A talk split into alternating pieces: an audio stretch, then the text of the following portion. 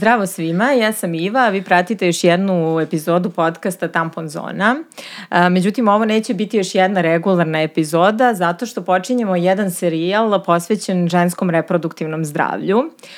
Kada sam pre radila ankete o tome koje teme, o kojim temama želite više da slušate u ovim epizodama, dosta vas je tražilo različite teme iz oblasti ženskog zdravlja, tako da smo ovog puta rešili da se malo tema, temeljnije pozabavimo njome. A, kroz nekoliko meseci pričat ćemo o različitim aspektima ženskog zdravlja i ovaj serijal, serijal je podržala Folinova. A, više od ovom, ovom proizvodu možete naći na Folinova.rs ili na njihovom Instagram profilu Zdravi svaki dan. Kao što sam najavila, prva tema će biti policistični jajnici i evo za početak samo da, pošto sam imala malu anketicu na svom profilu, hvala vam svima što ste iznele svoje iskustva i odgovorile na anketu. Ispostavilo se da 40% vas koje ste odgovorile, a bilo vas je oko 1000 recimo, kaže da ima policistične jajnike, 54% vas kaže da ima drugaricu koja ima policistične jajnike, a 6% vas kaže da nema i da ne poznaje osobu koja ima. Što bi značilo? Znači da 96% ispitanica je reklo da ili ima policistične jajnike ili se nekad, ili ima drugaricu koja se susretala s tim problemom. A, imam veliku čast danas da je sa mnom e, ginekološkinja i doktorka Mima Fazlagić, ali ona nije samo to, moram da kažem da lično u mom životu ona predstavlja i zauzima jedno jako važno mesto, jer je mene negde naučila isto da govorim glasnije o temama koje se tiču reproduktivnog zdravlja i neko ko kontinuirano diže glas i rasvetljava brojne teme koje se tiču kvaliteta naših života. Mima, dobrodošla. Hvala na ovoj lepoj najavi. Zadovoljstvo mi je da budem tu i veliko je zadovoljstvo što su se eto naši životi ukrstili i što sam i ja imala zadovoljstvo da upoznam takvu osobu kao što si ti. Hvala ti puno. Ovaj, eto, pre nego što krenemo ovaj razgovor, e, možda da krenemo od nekih e, širih tema. Evo i sad smo same krenule priču i pre snimanja. Uh, šta misliš koliko su danas tabu teme koje se tiču ženskog zdravlja? Jel vidiš neku promenu? Evo ja se trudim da kroz eto svoje delovanje od ne znam 10 godina u medijima, za njih pet recimo da se stvarno bavimo i da inspirišem devojke da otvoreno pričaju o tome, jer mislim da je to jako važno. Kako se tebi čini? Jel se menja situacija? Meni se čini da je loše. Mm. A, a zašto mi se čini da je loše? Mislim da je globalno stvar nekako krenula lošim putem i da recimo ono kako se, da kažem, ova bumerska generacija koja matora matora pripadam, koja imala mnogo više slobode i znanja, što je nenormalno, evo, YouTube, internet, sve to, nekako uh, posle toga kontraceptivna tableta koja je promenila svet, koja je ženama dala maksimalnu slobodu, koja je sve to uradila, mi sad odjednom dolazimo da meni dođe 16-godišnjakinja trudna, rekao je dečko da ne može od prvog seksa da se zatrudni. Ili da e, ne koriste e, prezervativ, da HPV vlada, da pristaju, da zbog muškarca šiju himen ponovo. I to je sve tako drugačije od onog što je vladalo pre 40 godina ja žena osvojit ću svet. Nešto se tu desilo, nešto što što se eto meni koja sam svedok tog vremena baš puno ne sviđa. Evo ovo mi smo pričali kako selektivni abortus da danas u 21. veku neko želi da prekine trudnoću zato što nosi devojčicu i evo ja uskoro završavam svoju karijeru, ali pomalo razočarana. Nemoj. Daj nam još malo vremena. Ovaj, da, lepo si rekla i lepo si se osvrnula na taj jedan period oslobođenosti da. i stvarno revolucije. I mislim da sad svedočimo opet jednoj retradicionalizaciji desnom talasu koji ostavlja posledice i na svest o ženskom zdravlju, da. naravno. Da. A, sa druge strane ima eto kanale neki koji pričaju otvorenije o svim ovim temama.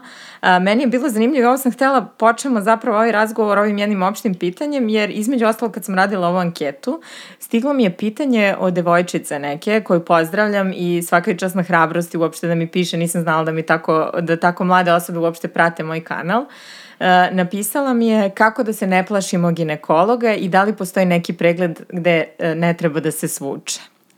E, I mene to baš dirnulo. E, onako. Baš je to divno pitanje i to je e, najlakše da nju povede mama kod svog doktora ili tetka ili sestra ili neko žensko biće u koga ima poverenja, pa će joj preporučiti ginekologa gde će ona doći i gde će ginekolo, sa ginekologom da priča kao sa drugaricom.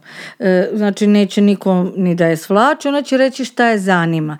Jer ginekolog ima i veliku ulogu u savjetovanju, baš zato da se ne bi desile neželjene trudnoće ja uvek e, e, kažem svima da i pre nego što se desi taj prvi odnos, da bi bilo dobro da dođu kod ginekologa da se dogovorimo kada da to urade, kako da urade, kako da bude bezbedno, jer je i seks važna sfera života, ali moram isto reći da sam i tu baš zapanjena, jer um, njihovo njihovo prvo informisanje ide sa nekih porno filmova mm -hmm. i oni misle da realan seks tako izgleda.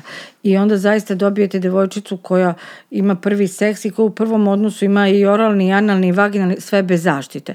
I vi prosto ne možete verujete da, da je to realno i da se dešava, ali otprilike da je to to, još ako se zaljubi pa je dečko ubedi da je to sve tako mora i negde mislim da bi bilo jako bitno da krenemo sa tim savjetovanjima na vreme. A, ono što je meni bilo važno kad sam došla kod tebe, eto, a što možda nisam pre toga nailazila na, na tu količinu senzibilisanosti i razumevanja.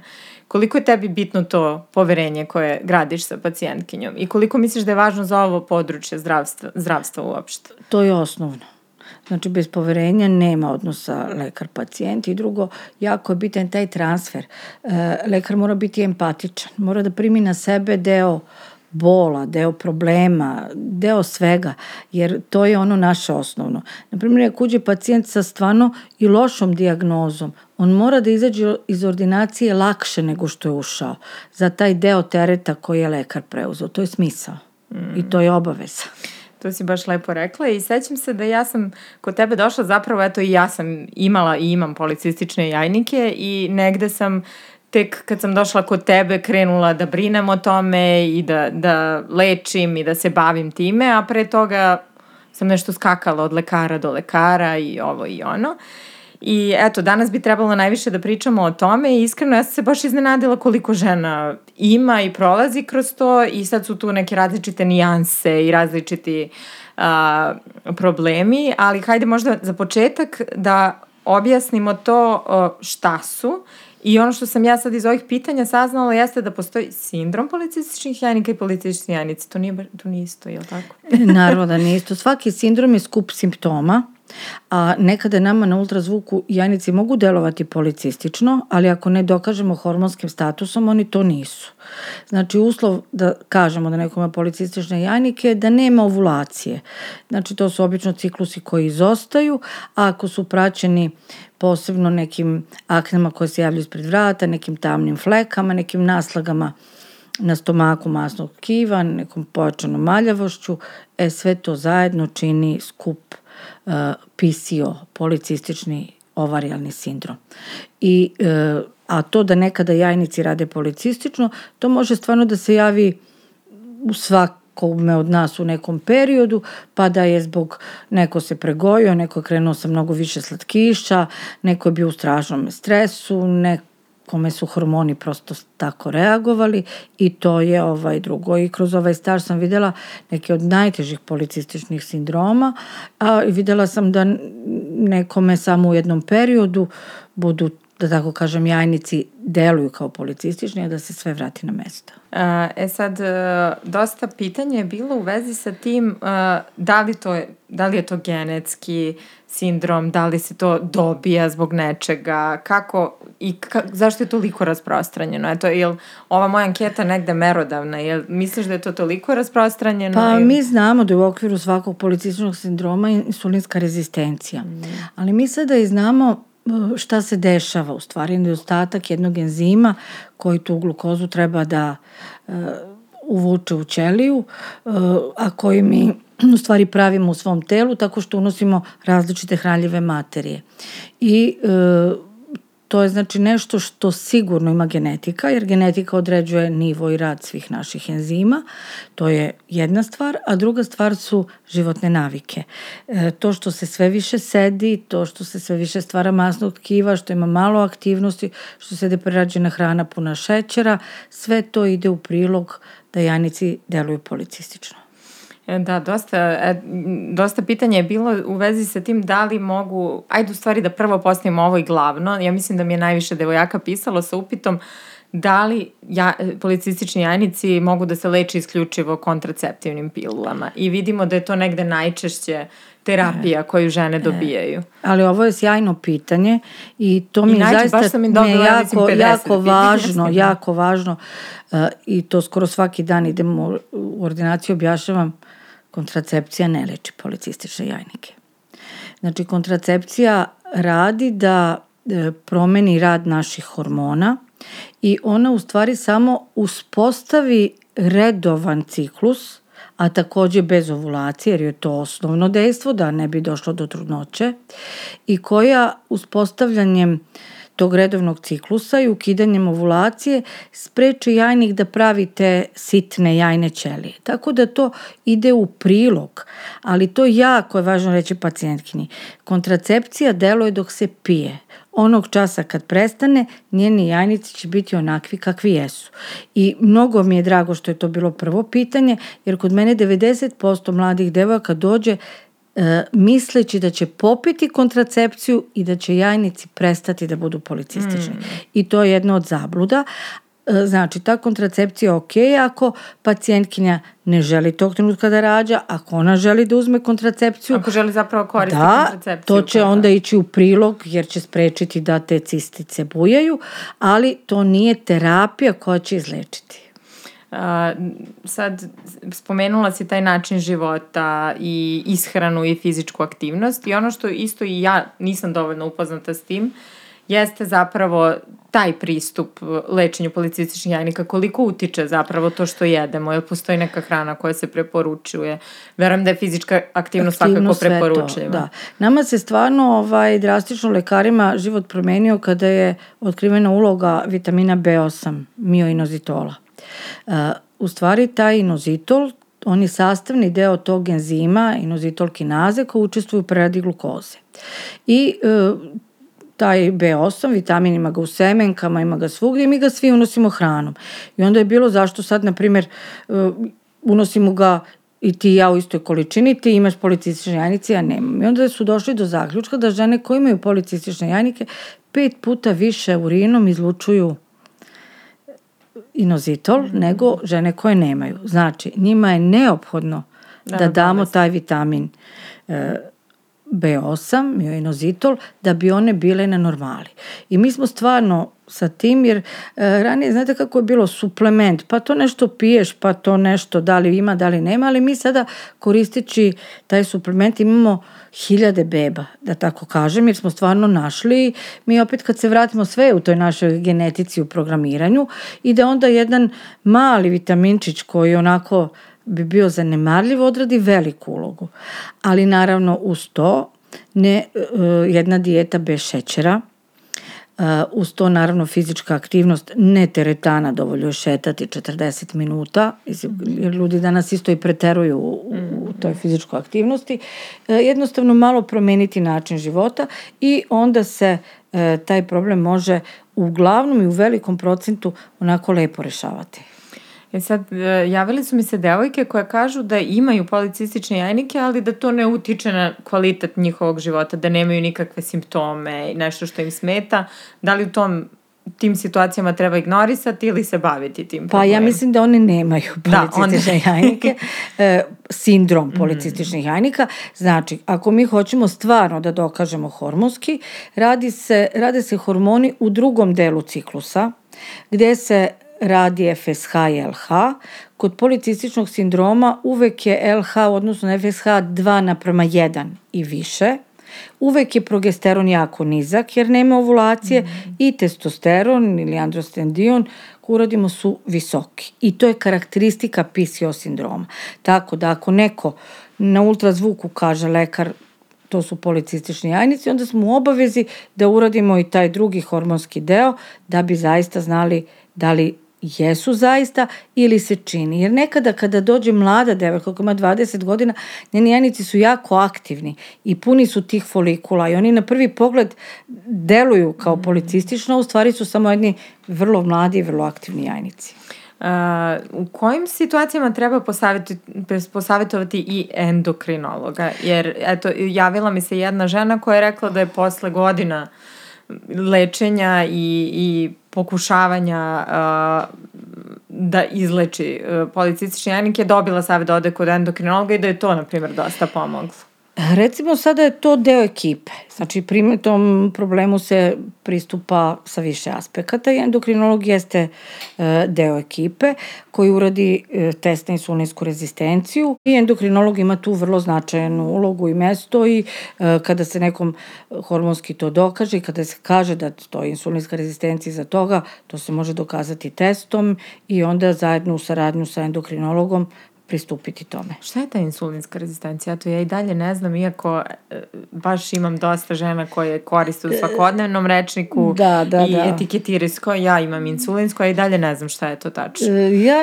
recimo da više ne obraćam pažnju na tu dijagnozu, jer ako ima 5000 žena i svih 5000 uradi test ima insulinsku rezistenciju, nešto tu nije dobro. Uh, test se sastoji od opterećenja glukozom, gde smo mi ranije merili samo nivo glukoze u krvi kada se popije 75 grama šećera, a onda je dodato da se prilikom svakog tog merenja glukoze meri koncentracija insulina. I onda su stavljene neke vrednosti insulina koje su tolerantne, koje su laboratorijski izmerene i svako ko izluči insulin preko te granice, za njega se smatra da ima insulinsku rezistenciju. Mislim, možda ovo sada nije u redu što ću reći, ali eto, posle 38 godina rada, e, test gde 90 i više procenata uh, svih testiranih ljudi pokazuje, to nekako nama nije baš od velike koristi. Mm. Jer kada je taj test počeo da radi, onda kad neko dođe i kaže ja imam insulinsku rezistenciju, mi svi padnemo u nesvest zajedno s pacijentom, a sad ako to ima svako, onda ne možeš ni da se ponašaš adekvatno. Znači da treba neka veća osetljivost. E, ja mislim da, da to mi radimo, e, da je to u stvari kada mi popijemo 75 grama šećera, da je to veliki šok za organizam i to je otprilike, e, vi imate kolače koje napravite sa 150 grama šećera. Znači kao da je neko pojao više od pola pleha kolača u 5 minuta. Pa ko je to od nas uradio? Mm. Ja mislim da, da otprilike organizam kaže šta, šta ti bi čoveče i da krene da se brani e, sa svim mogućim aspektima i da zbog toga tako mm. i reaguje. Mislim da smo stvarno na pragu novih markera, da će genetika tu isto da, da kaže svoje. Naravno da je taj test neki pokazatelj, ali ja sam stvarno videla jako mali broj žena koja nije pokazao skok insulina na taj test. Mm -hmm.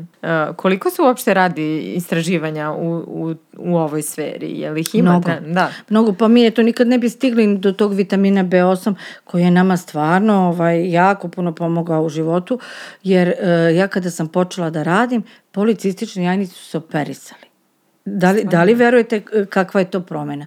Mi smo to operisali e, zato što ti policistični jajnici budu ogromni jajnici puni sitnih malih folikula sa tom debelom korom jajnika, kako smo mi to nazivali, i tada se smatralo, pre 35 godina, da to, to ne dozvoljava ta kora da se napravi ovulacija jajna ćelija. Mm. I mi smo otvarali žene i boli iglicom taj jajnik ili kasnije laserom e, da bi se napravila ovulacija. E sad, shvatate li e, koliko to sad nema veze, a mi sad izvadimo iz džepa vitamin B8 i napravimo bebu. Ali 40 e, godina u jednoj nauci je ogroman period i to stvarno govori kojom brzinom mi napredujemo, ali mi napredujemo u prirodnim naukama, a u društvenim naukama koje nam pomažu da mi razumemo sve ovo i da budemo civilizovani, slabo napredujemo. E, da, lepo si to rekla. Ovaj, uh, sad me zanima, dosta žena je pisalo isto da uh, na primer, ne želi još, ne razmišlja o bebi, ali ima policistične jajnike. Da li oni utiču, mogu da utiču na kvalitet života, da li treba da ih lečimo i pre nego što želimo da ostanemo uh, trudne ili kako? Naravno, da. to mora da se konstatuje, to mora da se primeni, to mora da se iskreno priča sa pacijentkinjom. Možda će neka od njih i želeti da uzme kontracepciju koja će pomoći u tom uh, da će smiriti te jajnike do trenutka dok ne želi bebu, znači da će njihov vrat spustiti na neki bazalni nivo, uh, možda će neko promeniti način života, jer znate kako i, i policistični sindrom, uh, kod mene dolaze žene prepadnute i rekli su im da neće moći da imaju decu. To nije tačno, znači i policistični sindrom ne znači da nema baš nikad ovulacije. Mm. Znači ta žena može da ima prvi seks pa da ostane trudna ili da onda mesecima ili godinu dana ne može. Znači Ali one danas, samo nisu raspoređene onako ritmično kao da, kod žena sa redovnim ciklom. ili su potpuno ciklus. izostale ili... ako je jako izražen sindrom, ali mi danas znamo da stimulišemo ovulaciju, znači i to znamo da stimulišemo sa tabletama, ako je neki jako težak sindrom, to smo, te žene odu na van telesno i dobiju decu. Ali znači nema panike u smislu policistični sindrom nema dece. To danas prosto više nije tačno, ali da svako ko ima to treba prvo da se informiše, da uradi analize, da se dokaže gde i šta je, da primeni fizičku aktivnost, da primeni vitamin B8 i da smanji šećer, to mislim nije nikakva. Da, da uradi da velika, ono, da uradi što, ono što je najbolje, do njega. Ali to je najbolje da. da uradi za svoje zdravlje i život nevezano Da li Sad, želi da, li da želi trudni ili to. Ne. Pa da, dosta žena mi je pisalo i sama verovatno znaš da dosta lekara bude u fazonu to će trudnoće sve da reši ili dok... Ali trebalo ne, bi da, da zatrudimo. da, ovaj, ali evo meni je na primjer posle trudnoće sam dobila malo redovnije cikluse, na 40 dana sad Eto. dobijam i mislim nemam sad nikakve druge simptome, mada ja nemam sindrom, meni samo deluje onako Deluju čini mi tako, se. Tako, da, da ovulacija je bila dobra, imamo da, dokaz, imamo dokaz kod kuće, da. vrlo živahan. Da. Ova... tako da je samo tu trebalo izvršiti jedno praćenje, a i ako se slažeš, malo promeniti životne navike. Jeste, jeste, slažem se i uh, super mi je što se sad dosta govori o tom da. zdravstvenom aspektu i našoj ličnoj odgovornosti i šta možemo da uradimo što je do nas. A da budemo zdravi i da živimo bolje. Mada evo, moram da pomenem da sam skoro videla da i to nekad ode u neki ekstrem i ljudi odu, krenu da se leče na neke načine prirodno, a zapravo sve to pod krovom nekog nadri lekarstva, tako da stvarno kad god imate neke te gobe i nešto, mislim da, da je najbitnije otići na pregled. To je moje drugo razočarenje u 21. Mm. veku, da smo mi skloni e, da prihvatimo neke medicine neproverene i neke ljude koji leče bioenergijom ili, e, znate kako ja kažem kad mi pacijentkinja pita da li da pije čaj, naravno. Svi lekovi su nastali od biljaka. Ali da postoji neki čaj koji leči policistični jajnik ili koji leči mion, pa to bi neka firma mm. uzela i zaradila milijarde jer to imaju taj problem svi na svetu. Znači, onako to verovanje uh, ako bih rekla da postoji izlečenje samo za mene, a ne ni za kog drugog, jer će samo meni da deluje bioenergija ili zatvoren krug ili svaki dan čujem nešto novo, teta talas ili to, stvarno ima puno psihosomatike, mi smo svi mm -hmm. sklopljeni od toga, ali e, to je jedna od zabluda i jedna od onako mojih velikih razočarenja da neki ljudi koji su pričali da su se izlečili tom nekom prirodnom medicinom su u stvari, na primer, uradili operaciju, zračenje i kompletne tretmane koje savremena medicina dozvoljava, a da su hiljade drugih ljudi ostale u zabludi, nisu se obratile lekaru i možda su loše završili. Da. Uh, Uh, sad si spomenula i psihu i uh, jedna devojka mi je napisala onako jedan šaljiv komentar, ali uh, mislim da je to jedno vrlo ozbiljno pitanje koje ću ti postaviti, a to je zapravo uticaj uh, hormona na naš, naše psihičko stanje, koliko uopšte može. Mm. Uh, ona je napisala da li je moguće da sam luda zbog policističnih jajnika. ne, prvi bilo obrnuto. da. Zašto? Zato što način života i stres stvarno utiču na hormone. I taj prvi hormon prolaktin, koji je hormon stresa, on je toliko moćan da može da ukine ovulaciju. Da može da e, nekada na jajniku deluje da žena ima policistični jajnike, da u stvari ima hiperprolaktinemiju. Može da ukine ciklus u potpunosti. Znači, naši hormoni se prepliču. Mi smo jako složeni mehanizam i e, nekada ako stvarno živimo u jednom kontinuiranom stresu, to mora da se odrazi e, ne samo na jajnike, ali i na jajnike. E, pa da, mislim i koliko puta i menstruacija to izostane kad smo pod nekim pod velikim nekim stresom, stresom ili da. dobijemo dva puta za mesec dana da. i tako dalje. A, da li ako imamo neredovne cikluse, to može da bude ok ako su nam jajnici ok i sve nam ostalo funkcioniše, a jednostavno ciklus izostaje Može. i to je neki I to ima, da. postoje takva genetika. Ja imam žene koje recimo dobijaju tri puta godišnji ciklus, ali su potpuno normalno trudne, imaju decu i tako im imala i majka i tako funkcionišu. E, zato što upravo to, svaki čovek je svet za sebe.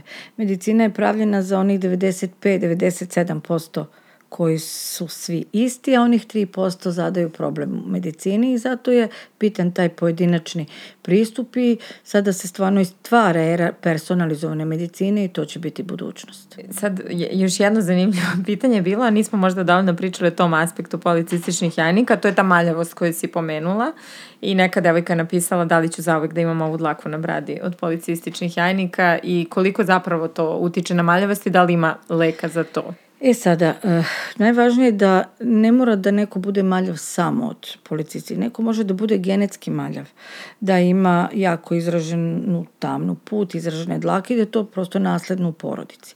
Može da ima, na primjer, i visok testosteron, a da nisu jajnici primarno policistični, da imamo problem nadbubrega. Znači to sve može da bude jako višeslojno i da je tu, e, ali jako važno da se urade analize kod endokrinologa, kod ginekologa, kada se urade hormoni, zna se kojim putem se ide ili je za nekoga samo spas da uradi lasersku epilaciju, možda su hormoni okej. Da, to je okay. danas rešivo, da. hvala Bogu. Da. Mislim, ja sam sanjala o nekoj tečnosti u kojoj ćeš da uđeš i da izađeš skroz bez laka, ali dobro, blizu smo toga. Ova laserska epilacija nam je to pružila ko želi, ko ne želi, naravno, to je sve stvari izbora. A, još jedno od pitanja je bilo, dakle, ta gojaznost i apetit. Da li utiču policistični jajnici na apetit i da li prouzrokuju neku vrstu gojaznosti. Mislim, ja znam da je e, to pre bilo za kontraceptivne pilule. Ali znate šta je prvo, kokoš ili jaje? Da, da. E, da li je e, naše navike, naravno postoji taj problem, i postoji genetski i to, insulinska mm. rezistencija i problem taloženja masti, to je sve isto, ali e, postoji nekada kada mi sami svoju ishranu usmerimo samo na slatko, da sami sebi doprinesemo o tome. Tako da ima isto i tu, nije sve crno ni belo. E, bilo mi je lakše pre ovoga da okrivim policistične jajnike za gojaznost ili retrogradni Merkur za neraspoloženje, ali ipak je nešto i do nas. Pa je to nešto o, malo. Naročito tokom PMS-a. Da. Uh, ali da, i to je posebna tema zapravo, to sam skoro krenula malo da istražujem koliko je ta ishrana u PMS-u isto važna i za prevazilaženje jakih bolova. Omega-3 nezasićene masne kiseline i vidjet će se jako puno vitamina koje ako uzmemo moći da pomognu da se to sredi. Isto i fizička aktivnost, isto ja sam skoro Naravno. otkrila, desilo se slučajno da budem u, u teretani na ne znam, drugi dan ciklusa recimo, pre toga sam odbijala da bilo šta radim kad dobijem, to mi je bilo potpuno, ono, mislila sam da nisam u stanju i onda sam ovo kao, ajde da probam. I stvarno mi je olakšalo bol. Mislim, to je bio neki light trening, nisam ništa ja. posebno radila, ali verovatno pa, i to od osobe do osobe. Bol u ciklusu da. ovaj, izazivaju prostaglandini. Mm. Oni isto su nasledni količina prostaglandina, pa neko ima strašno bolne menstruacije, a neko podnošljiva, neku uopšte nisu bolne. E, bolne menstruacije su karakteristične žene koje imaju ovulaciju, znači mm -hmm. to je mhm. isto jako važno, ali samim tim da kada se nešto radi, kada se e, dilatiraju krvni sudovi i onda se smanji ta koncentracija prostaglandina i bude lakše, ali naravno svako mora da prilagodi sebi, nema, nema formule. Da, znači bolne uh, menstruacije nisu uh, nešto što mogu da prouzrokuju isto policistični jajnici. Znači uglavnom kad su, to, to nije jedno sa ne, drugim povezano. Ne, nije, nije. Eto. To nisam imala pojma. Svašta ću danas da naučim s tobom, ima iako stalno ćaskamo kad dođem kod tebe.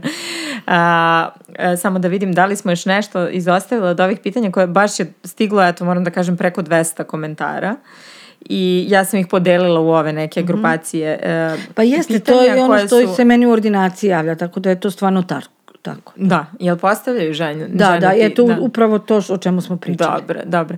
Ono što sam htjela isto da iskoristim kad si već tu, uh, jeste da malo pričamo i o tome Uh, ajde, stalno da drvimo koliko su preventivni pregledi važni i sve to, ali uh, koliko je zapravo, na koji način ti misliš da je najbolje da skinemo stigmu sa svih ovih tema i da pričamo malo glasnije? Eto, ti i ja smo zajedno čak učestvovali u kampanji koja je bila uh, vezana za promociju HPV vakcine i uopšte glasnog progovaranja o HPV-u koje je toliko uh, rasprostranjen kod nas. A, koje ti načine vidiš kao adekvatne Ja, ja sada stvarno, e, jako je važno da se priča o tome, ali eto, ti kao novinar ćeš stvarno vidjeti bolje da e, nekada kad se pročitaju naslovi u, u novinama da se sve svelo, da je naslov toliko glup da samo je bitno kao da se napravi što više klikova, da se to Senzacija, meri pa i da da. se je senzacija i da je to i da smo negde zapostavili nekada ono staro obrazovanje klasično. Da sad stvarno zvučim kao baba, što možda i jesam na osnovu svojih godina, ali e, ove e, nove tehnologije smo svi mi mislili da će doneti veliki progres. Ali eto, ispostavlja se da mladi neće da čitaju ništa što ima više od 143 znaka ili koliko već staje na Twitter i da je to malo, da mi nismo imali nikakvu mogućnost obrazovanja, smo mnogo manje pričali sa našim mamama o tome, da su to bilo nešto ovako drugarica, ali da se tada stvarno nije moglo desiti da te dečko ubedi da od prvog seksa ne može da zatrudniš, mislim. Ne. I onda šta se to desilo kada su informacije prisutne na svakom koraku? Ali zato što su informacije površne, što izvori koje deca čitaju su totalno nekvalitetna, što na internetu može svako da kaže svoj stav i što je stav luđi bit će prihvaćeniji. Ja sad pretpostavljam da sam ja rekla da e, treba u punom mesecu uzeti krilo slepog miša da bi o- ovo bilo naj, mislim, najbolji recept za to i da bi više ljudi to poslušala? prihvatilo nego da ode kod endokrinologa, ginekologa. Ne znam kako se to desilo, eto, jer e, svi ovi ti e, Twitter izazovi, sve ovo što se dešava, nekako to ne izgleda da baš ide u prilog progresu. E, moja teorija je da stvarno su prirodne nauke toliko puno napredovale, ali da se nisu ulagale pare u društvene nauke, u sociologiju, u filozofiju, u umetnost, a da se stvorila čitava generacija koja sada joj potpuno nije jasno ni šta je vakcina, ni šta je HPV i da je lakše da sluša nekog belog maga jer nedostaje pravo obrazovanje. A da bi čovjek bio sposoban za to pravo obrazovanje, on mora biti, kako bih rekla, nekako društveno obrazovan. E, mora nešto znati o te filozofije, o te sociologije, mora shvatiti i film i pozorište i umetnost i sve. A e, to nije naš problem, to je svetski problem. Ljudi su prestali da ulažu pare, jer im se kao, ko će da ulažu umetnost, to se ne vraća, ali ne bi mi imali danas ni Sikstinsku kapelu da papa nije platio da se oslika. Da, ali ono što, što smo jednom čini mi se pričale, još pre par godina snimali smo epizodu tad o endometriozi, a, to je koliko je važno eto da možda možda ti klinci sad ne dolaze do tih znanja, ne konzumiraju ih na pravi način, možda taj nedostatak i neke kritičke svesti prema informacijama kad je bilo koja tema u pitanju.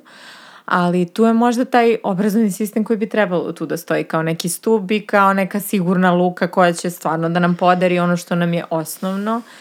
I sećam se da smo pričali o tome koliko bi bilo važno da imamo nešto pro, poput seksualnog obrazovanja i sećam se da si me ti tada ispravila i rekla da je zdravstveno obrazovanje Jeste. nešto što je važno. To, to je stvarno san koji ja ovaj, dugo sanjam i koji sam kao direktor festivala zdravlja pokušala i napravili smo i petici i skupili smo stvarno ogroman broj potpisa i osmislili da to može da se radi tako da prave katedre socijalne medicine i higijene program, da studenti pete i šeste godine drže nastavu, da se skupljaju razredi, da se radi ulazni izlazni test, pa da bude kao neki pilot projekat pa da krene. Jer sad mislim imamo medicinskih fakulteta u svim većim centrima, pa Srbija nije velika, to bi nekako moglo i e, mislim da bi to na neki dobar i zanimljiv način koji bi studenti koji su bliski, znači od toga da treba naučiti decu šta je zdravo da jedu, od toga da treba da odu kod zubara, od toga uh, o alkoholu, o drogama, kada je vreme da čuju, pa onda o HPV virusu, pa onda o kontracepciji, pa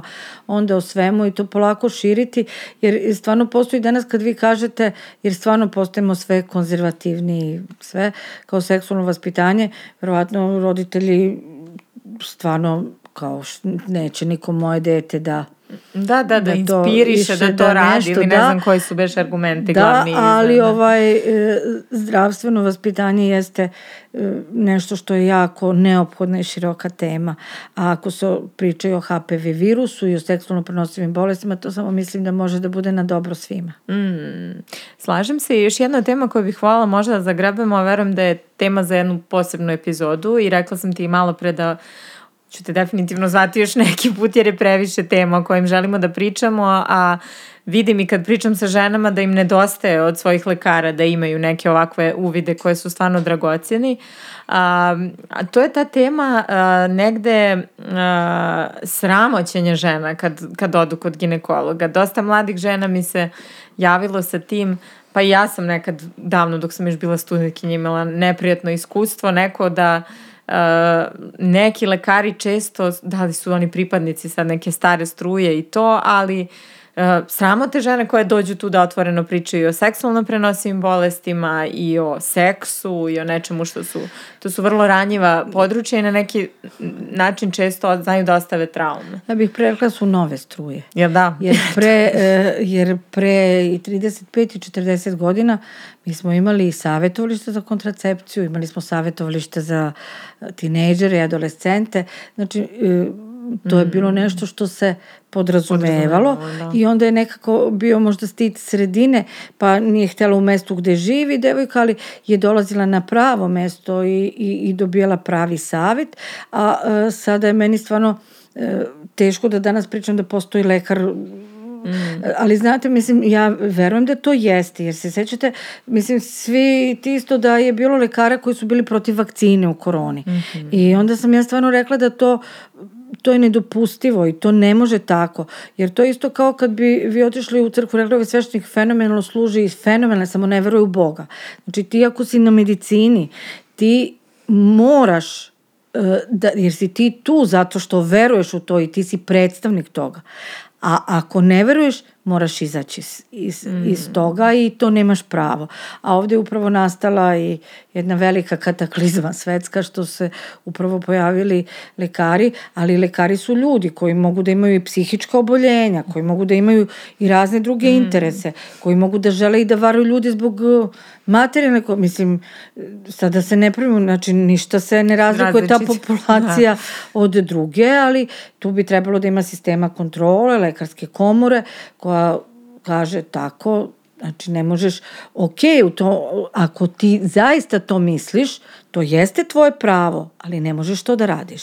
Ja stvarno mislim da bi e, sveštenika koji najbolje služi službu, ali rekao da ne veruju u Boga, stvarno bi rekli, pa mislim, ne možeš sedeti tu. Mm.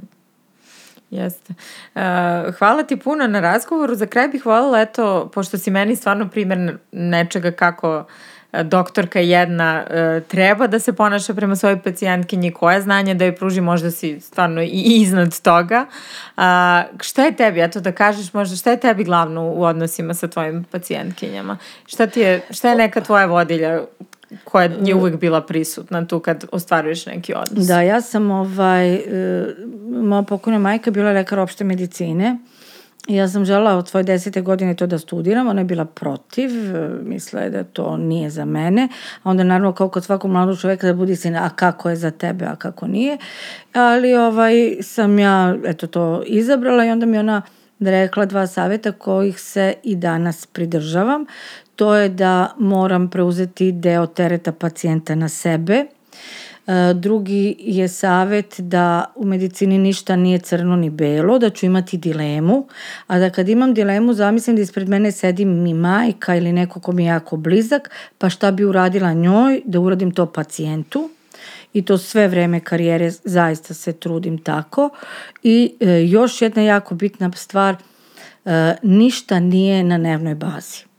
Znači, moraš pacijentu verovati do kraja. Ako pacijentu veruješ do kraja, ti ćeš doći do ispravnog puta dijagnoze, a nervna baza ostaje kada isključiš sve što, što postoji iz realne medicine. Mm. I eto, to su mi neki postulati koje eto već četvrtu deceniju se držim toga i naravno da je taj transfer i ta e, faktor poverenja da uh, pacijenti mi veruju ono što kažem, a to se stvarno trudim i kada upisujem neku intervenciju, da budem što preciznija, da ne slažem ni milimetar i baš se preslišavam, uh, poverenje je ključ svega pa sve nadogradnja. Jeste, slažem se i ono što sam jako tebe to uh, osetila, to je ta empatija i što mi je najvažnije bilo to pružanje informacija. Mislim da uh, često pacijenti ostaju bez informacija i da ih to gura u neke dubioze i neka stanja koja nisu dobra, a samo treba pružiti tačnu informaciju. Jeste, Jeste. i to je jedan zadatak. I druga stvar je što, uh, kako bih rekla, lekar nije taj koji će da donosi odluke u smislu, naravno odluke tipa života, smrti, bolesti i zdravlja, ali uh, one, uh, ne smemo mi ih lekari da se igramo Boga. Mi moramo samo pružiti sve informacije, odgovoriti na svako pitanje, ali recimo nije moje da kažem vi morate da uzmete kontracepciju. Uh, nije moje da kažem vi morate od sutra promeniti način života. Moje je da dam informaciju, da pričam, da odgovorim na pitanje, a pacijent će doneti odluku za sebe, jer nekada uh, E, pogotovo što kod nas u Srbiji ne postoje protokoli e, i kod nas svaki lekar nekako ima pravo da ima svoje mišljenje, ali ja mislim da je najbolje da se držimo knjige, a da sobstveno mišljenje bude važno tek kad ga objavimo pa ga nauka prihvati, a nekada se dešava da neko zbog sobstvenog mišljenja na neki mm. način napravi neku dezinformaciju. Znači, držimo se priznatih stvari, držimo se nauke, pričamo otvoreno o svemu i maksimalno informišemo pacijente. Hvala ti puno. Verujem, nadam se da će što više i lekara i pacijentkinja čuti ovo sve što si ispričala i iskoristit ću sad ovaj trenutak. Ne znam koliko će nam epizoda biti gledana, ali koliko god da, eto, podsjetimo devojke da možda se prisete kad su poslednji put bile na pregledu i da možda zakažu pregled ukoliko je prošlo, koliko? Od godinu dana. Godinu. Hvala ti na tome, to je nešto što stalno ponavljamo. Da. Idite kod ginekologa, uradite ultrazvuk, uradite papa test, uradite kolposkopiju i to je stvarno jako bitno da bi sačuvali svoje reproduktivno zdravlje. Hvala ti Mima puno na razgovoru i vidimo se u ordinaciji sledeći put. Hvala tebi.